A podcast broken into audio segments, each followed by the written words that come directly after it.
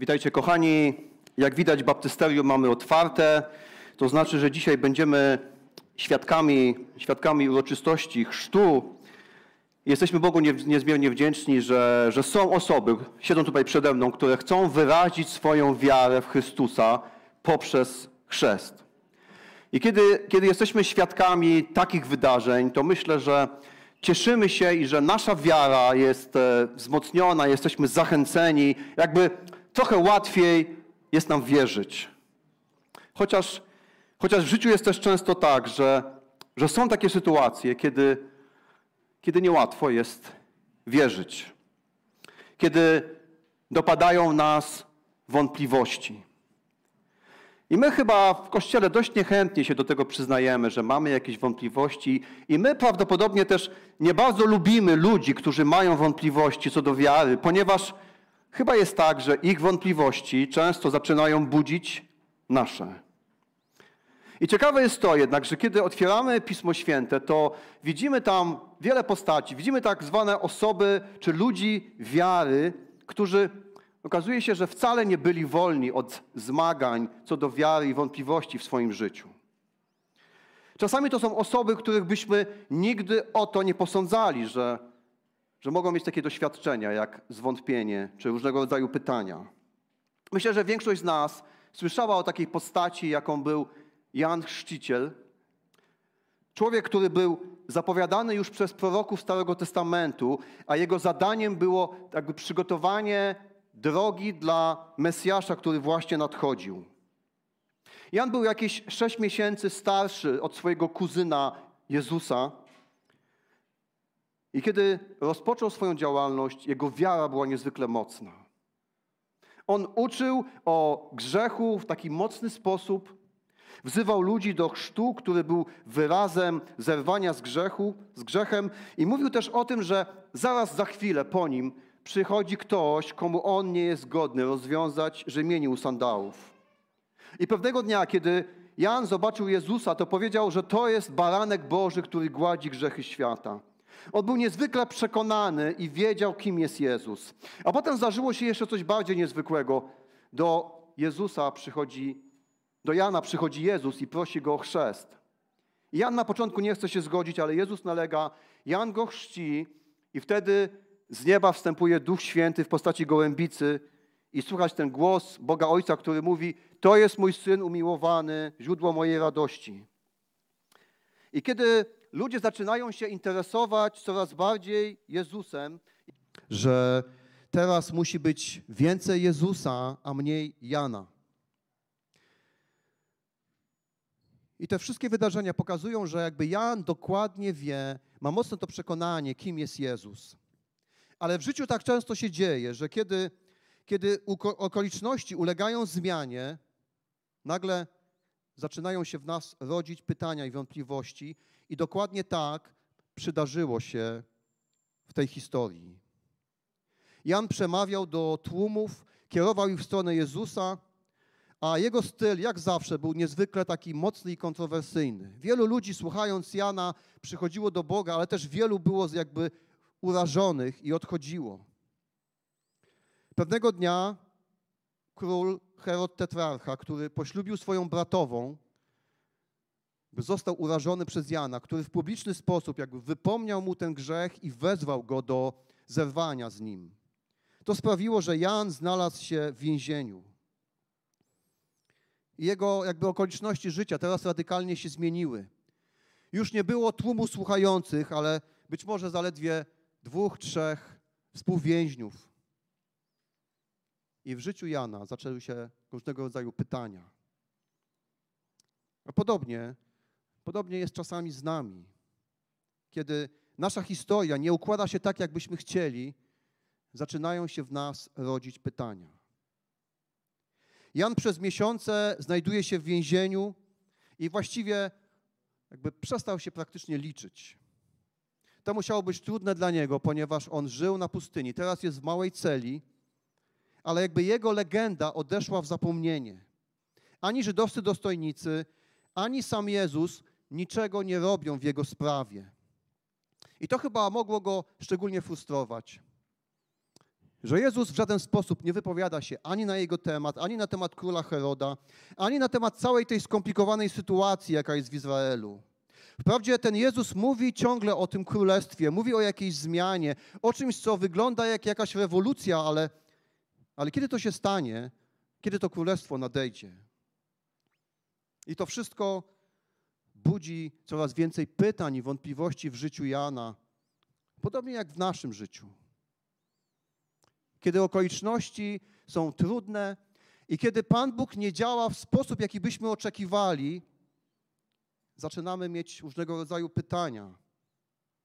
Jan siedzi w więzieniu i być może, być może analizuje sobie, zastanawia się nad tymi wszystkimi zapowiedziami proroków Starego Testamentu o Mesjaszu, który miał nadejść. Na przykład o proroku Izajaszu, który w 35 rozdziale mówił tak o Mesjaszu. Wtedy otworzą się oczy ślepych, otworzą się też uszy głuchych. Wtedy chromy będzie skakał jak jeleń i radośnie odezwie się język niemych, gdyż wody wytrysną na pustyni i potoki na stepie. To był jeden z fragmentów, który zapowiadał nadejście tego Mesjasza od Boga. Albo inny fragment, 42 rozdział. Ja, Pan, powołałem Cię sprawiedliwości i ująłem Cię za rękę. Strzegę Cię i uczynię Cię pośrednikiem przymierza z ludem, światłością dla narodów, abyś otworzył ślepym oczy, wyprowadził więźniów z zamknięcia, z więzienia tych, którzy siedzą w ciemności. I być może Jan, siedząc zamknięty w swojej ciemnej celi, myślał sobie, że jeśli Mesjasz ma wyprowadzić na wolność tych, którzy siedzą w ciemności, to on, Jan, jest świetnym kandydatem. Tylko dlaczego to się nie dzieje? Dlaczego Jezu nie wyprowadzasz mnie z tego więzienia? Dlaczego Jezu nie uwalniasz mnie? Jan ma swoich uczniów, którzy trzymają z nim kontakt. On ciągle ma jakby na bieżąco informacje o działalności Jezusa. I z jednej strony serce rośnie, ale potem patrzy na ściany więzienia, patrzy na swoją sytuację i wątpliwości nie ustępują. Co w naszych historiach życia, w mojej i Twojej, sprawia, że pojawiają się wątpliwości i nie ustępują. Co sprawia, że jesteśmy mniej jakby pewni Jezusa w naszym życiu? Czy to są jakieś przeciwności? Straciłeś pracę, najbliższych? Może to toczący się od dawna niezakończony konflikt? Może są pewne pytania, na które nie możesz znaleźć odpowiedzi, a może jest ci trudno pogodzić się z odpowiedziami, których Bóg ci udzielił? Może Twoje marzenia czy plany nie zostały zrealizowane. Może życie przyniosło Ci wielkie rozczarowanie. A może to jest presja ludzi wokół, którzy nie wierzą. I wydają się mieć dobre powody, dlaczego nie wierzą. I to wszystko tworzy pewien chaos w Twoim życiu. I wtedy rodzą się te wszystkie pytania, czy, czy Bóg naprawdę jest dobry, czy naprawdę się o mnie troszczy, czy On w ogóle istnieje. Młode małżeństwo. Mam wyłączony. To są te mikrofony tłumaczy, gdyby mogli tłumaczyć, ciszyć troszkę mikrofony swoje. Młode małżeństwo rozpoczyna wspólne życie. Wszystko się wydaje dobrze układać.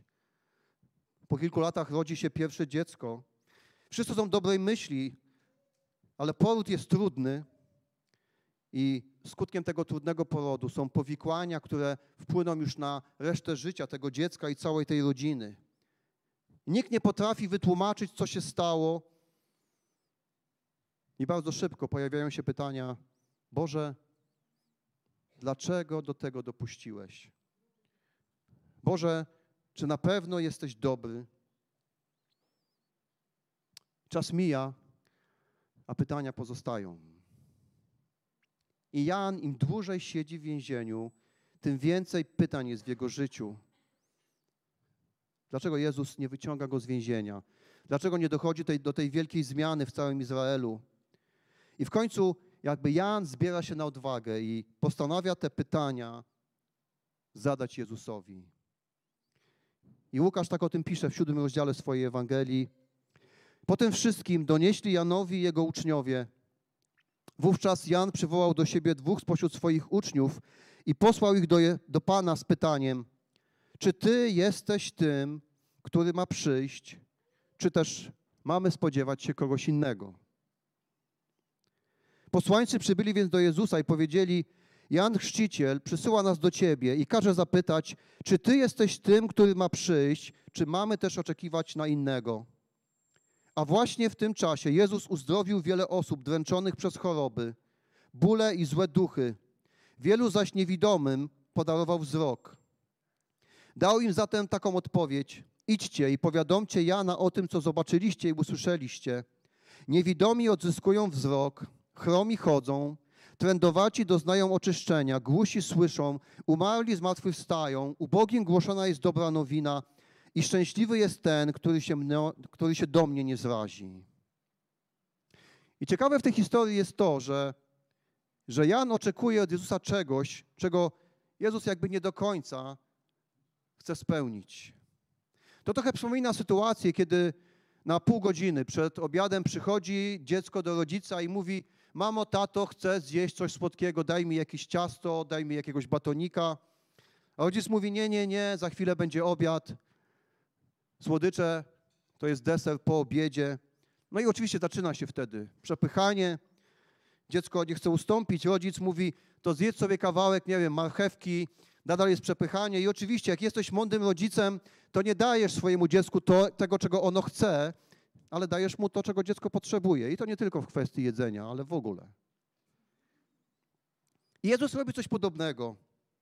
Jan chce odpowiedzi na pytanie, które wydaje się być prostym. Czy ty jesteś Mesjaszem? Ale Jezus odpowiada na tą potrzebę niekoniecznie w taki sposób, jaki Jan oczekuje. Jezus chce, żeby Jan zrozumiał, że on ma coś znacznie więcej do zaoferowania niż Jan myśli. Co zatem oferuje Jezus? Jezus oferuje przemianę, a nie tylko informacje. Jan pyta, czy ty jesteś obiecanym, zapowiedzianym Mesjaszem? Chcę mieć prostą odpowiedź. Chcę, żeby wszystko było jasne, czarno na białym. Tak, żeby się wszystko zgadzało, żeby już nie było żadnych wątpliwości, żadnego ale. I myślę, że wielu z nas, my to dobrze rozumiemy. Tak jesteśmy skonstruowani, tak zostaliśmy stworzeni. Chcemy, żeby nam się wszystko zgadzało, jeśli chodzi o Boga. Ale okazuje się, że kiedy nasze nawet najbystsze umysły, najbardziej otwarte intelekty stykają się z nieograniczonością Boga, pozostają jakby pytania bez odpowiedzi. I zamiast tej oczekiwanej odpowiedzi, prostego, ja nie, oczywiście ja jestem Mesjaszem, Jezus uczniom Jana opowiada historię przemiany, która właśnie się odbywa i zachodzi. I mówi: Zobaczcie, co się dzieje. Zobaczcie, jak życie ludzi ulega zmianie. Zobaczcie te wszystkie niezwykłe cuda dla Bożej chwały. Jan chce prostej informacji. Dlaczego rzeczy się dzieją w taki sposób, co będzie dalej? A Jezus opowiada historię przemiany życia. Opowiada tą historię, żeby ona poprowadziła Jana do właściwej odpowiedzi na jego pytania. Kiedy Jan chce prostej odpowiedzi. Jezus go zachęca do wiary, zamiast jedynie udzielać odpowiedzi na jego pytania. I ta odpowiedź jakby Jezusa jest niezwykła. Jezus wplata od, odpowiedź na pytanie Jana, ale robi to w niezwykle ciekawy sposób, bo odpowiadając jakby ciągle zostawia Janowi miejsce na wątpliwości tak żeby to wszystko zaprowadziło Jana jeszcze do głębszej wiary. Próby doświadczenia, wątpliwości w naszym życiu mają zaprowadzić nas do głębszej wiary. Więc kiedy Jan stawia pytanie, Jezus odpowiada: Janie, zobacz, co się dzieje, zobacz, jakie są fakty, pomyśl o tym i zdecyduj, co z tym zrobisz.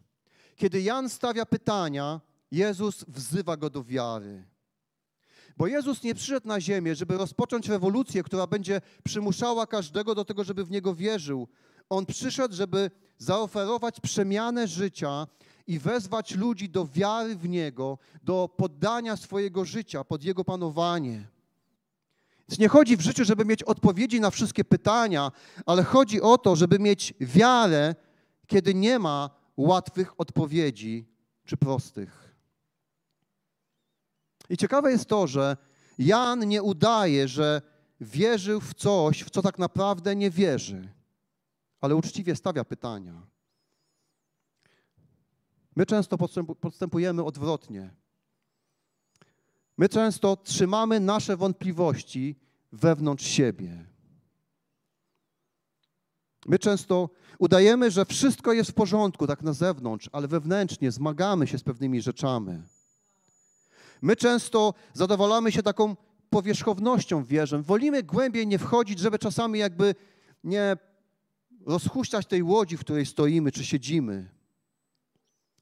Ale potem, kiedy naszej wierze rzucone jest jakieś wyzwanie przez trudności, przez rozczarowania, może przez naukowy światopogląd, nagle, nagle nasz fundament wiary się rozpada i okazujemy się bezradni. Nie wiemy dlaczego i w kogo wierzymy. Bycie naśladowcą Chrystusa nie czyni nas odpornymi na wątpliwości. Dlatego to jest część naszej wiary, naszego podążania, zmaganie się z pytaniami, wątpliwościami. Wiara, która nie jest testowana, niewielką ma wartość. I wątpliwości to jest znak, żeby ruszyć na poszukiwanie prawdy i odpowiedzi. Wątpliwości to nie jest znak, żeby się wycofywać, ale żeby pójść głębiej w swojej wierze. Może jest tak, że dzisiaj jesteś w tym miejscu, ale kiedyś byłeś, byłaś osobą pełną wiary co do Boga, co do Kościoła, ale wydarzyło się coś, co sprawiło, że dzisiaj ta wiara jest bardzo mała albo słaba i są różnego rodzaju pytania. I myślisz, i co mam z tym wszystkim zrobić? Żyjemy w czasach, kiedy Chrystus fizycznie nie jest obecny na ziemi, jak w czasach Jana Chrzciciela. Stawił nam swoje słowo i zostawił nam Ducha Świętego. I to są najlepsze sposoby, żeby odkrywać to, kim jest Bóg i Jego plan. A więc zadaj sobie ten trud, aby otworzyć to Boże Słowo i poznawać to, jak wspaniały, jak wielki jest Bóg. My żyjemy w czasach, w których chcemy i oczekujemy szybkich i prostych odpowiedzi, nawet na najbardziej trudne pytania. I często nie jesteśmy gotowi na to, żeby poczekać. Często mówimy, dobrze, oszczędź mi tych wszystkich wynurzeń, powiedz mi prosto, jak to jest. I nie lubimy słuchać odpowiedzi, które często związane są z wiarą, odpowiedzi, które mówią, to nie jest takie proste. To zależy od. Kiedy do Jezusa przychodzą uczniowie Jana i pytają, czy Ty jesteś Mesjaszem, według naszych standardów wystarczyłaby 15-sekundowa prosta odpowiedź: Tak, jestem Mesjaszem, Janie, trzymaj się, nie trać wiary. Taki idealny 15-sekundowy fragment do informacji telewizyjnych. Ale taka krótka odpowiedź nie pada. Dlaczego? Dlatego, że, że Jezus przyszedł, żeby dać nam zbawienie, a nie udzielać prostych odpowiedzi. Jezus wie, że kiedy przychodzą wątpliwości, potrzebujemy czegoś znacznie więcej niż 15-sekundowe wytłumaczenie, jakaś krótka migawka. Dlatego odpowiada na pytanie Jana w sposób, jaki jest najlepszy. Posłańcy przybyli więc do Jezusa i powiedzieli: Jan Chrzciciel przysyła nas do Ciebie i każe zapytać, czy Ty jesteś tym, który ma przyjść, czy też mamy czekać na innego. Jezus odpowiada w taki sposób. A właściwie na początku nie padają żadne słowa, ale odpowiada swoimi czynami, swoimi postępowaniem. Czytamy dalej. A właśnie w tym czasie Jezus uzdrowił wiele osób, dręczonych przez choroby, bóle i złe duchy. Wielu zaś niewidomym podarował wzrok. A więc zamiast dać tą prostą odpowiedź, zaczyna na oczach tych uczniów uzdrawiać, wypędzać złe duchy, niewidomi odzyskują wzrok, tak, by, tak jakby Jezus podniósł palec powiedział, słuchajcie, to jest dobre pytanie, trzymajcie je w głowie i zobaczcie, co się dzieje. I potem Jezus też wraca do nich i odpowiada im w sposób niezwykły, ponieważ cytuje proroka Starego Testamentu, Izajasza, który żył 700 lat przed Chrystusem i mówi, niewidomi odzyskują wzrok, chromi chodzą, trędowaci doznają oczyszczenia, głusi słyszą, umarli zmartwychwstają, ubogim głoszona jest dobra nowina. Mówi o tym wszystkim, co będzie robił Mesjasz, ale cytując Izajasza, Jezus jakby opuszcza jedną frazę, która jest w oryginalnym tekście. Opuszcza tą frazę o wypuszczeniu więźniów na wolność. Dlaczego? Odpowiada Janowi: Jestem Mesjaszem posłanym od Boga. Moje czyny to potwierdzają, ale Janie, mam złą wiadomość dla ciebie. Nie zostaniesz uwolniony z więzienia, ponieważ Jezus dobrze zna zakończenie historii Jana, który za jakiś czas, czytamy, został ścięty przez króla Heroda. Jan już nigdy z tego więzienia nie wyszedł. Kiedy Jan prosi o odpowiedź, czy Jezus jest Mesjaszem i oczekuje, że zostanie wyciągnięty z więzienia, Mesjasz w łagodny sposób odpowiada. I kiedy Jan oczekuje rozwiązania swoich ziemskich problemów, Jezus oferuje mu coś znacznie więcej niż fizyczne i doczesne życie. Oferuje mu wieczny ratunek i wieczne życie.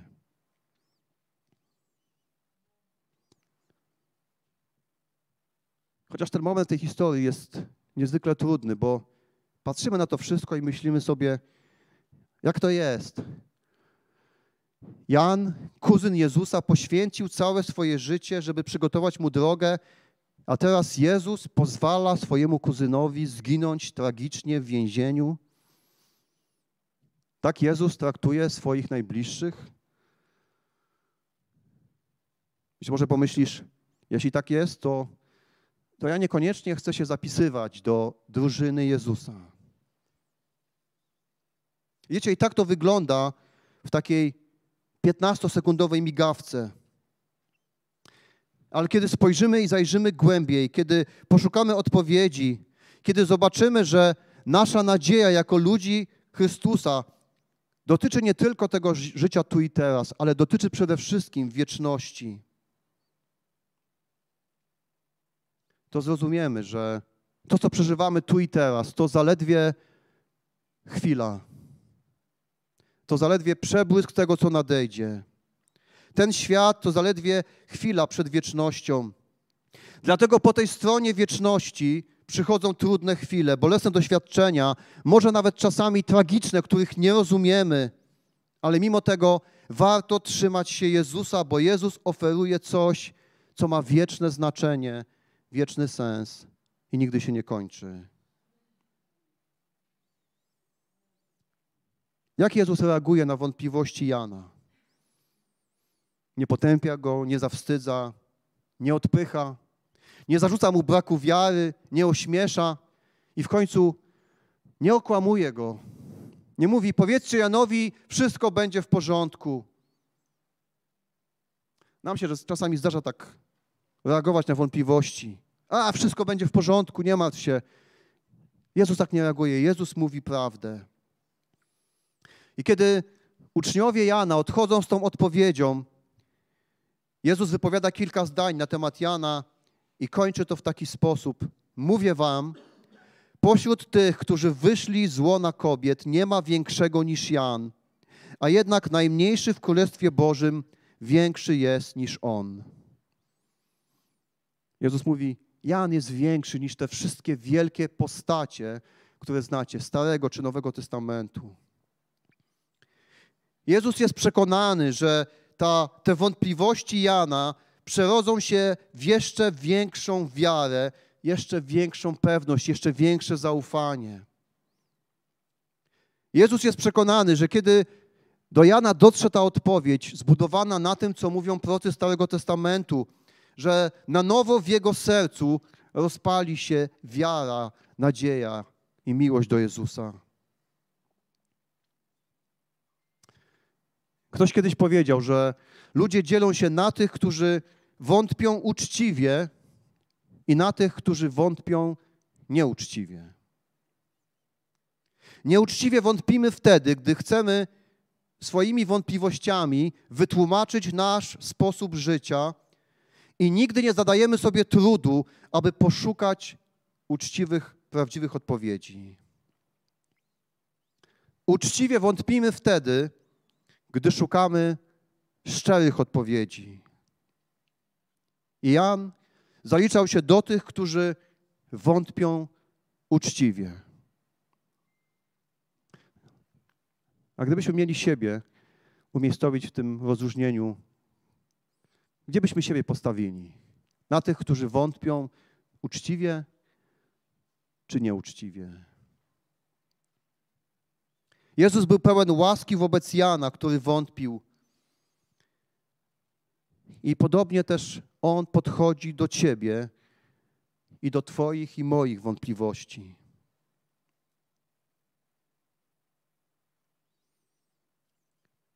w naszej sali, w naszym mieście. Są ludzie, którzy wątpią uczciwie i stali się wierzącymi w Chrystusa. Ale są też tacy, którzy ciągle pływają w jeziorze wątpliwości i nie ma właściwie w tym nic złego, ale trzeba zrozumieć, że nie można i nie da się w taki sposób przeżyć całego życia. Ale chodzi o to, żeby uczciwie zwrócić się do Boga, a On udziela odpowiedzi tym, którzy Go szukają. Być może po tej stronie życia nie otrzymamy wszystkich odpowiedzi. Właściwie po tej stronie to jest niemożliwe. Gdybyśmy chcieli znać odpowiedzi na wszystkie pytania, musielibyśmy stać się Bogiem, a bogami nie jesteśmy ale po tej stronie życia i wieczności możemy otrzymać odpowiedzi, które zaprowadzą nas do Chrystusa. Jezus nie zawsze zmienia okoliczności życia i nie zawsze odpowiada na nasze pytania, ale zawsze zmienia nasze życie, żeby rozpalić w nas ogień wiary i miłości. Jezus zawsze wnosi sens i nadzieję. I tak jak kiedyś do Jana, tak dzisiaj też, cokolwiek by się nie działo w naszym życiu, Jezus dzisiaj mówi do ciebie i do mnie: Szczęśliwy jest ten, kto się do mnie nie zrazi. Szczęśliwy jest ten, kto się do mnie nie zrazi. Powstańmy do modlitwy.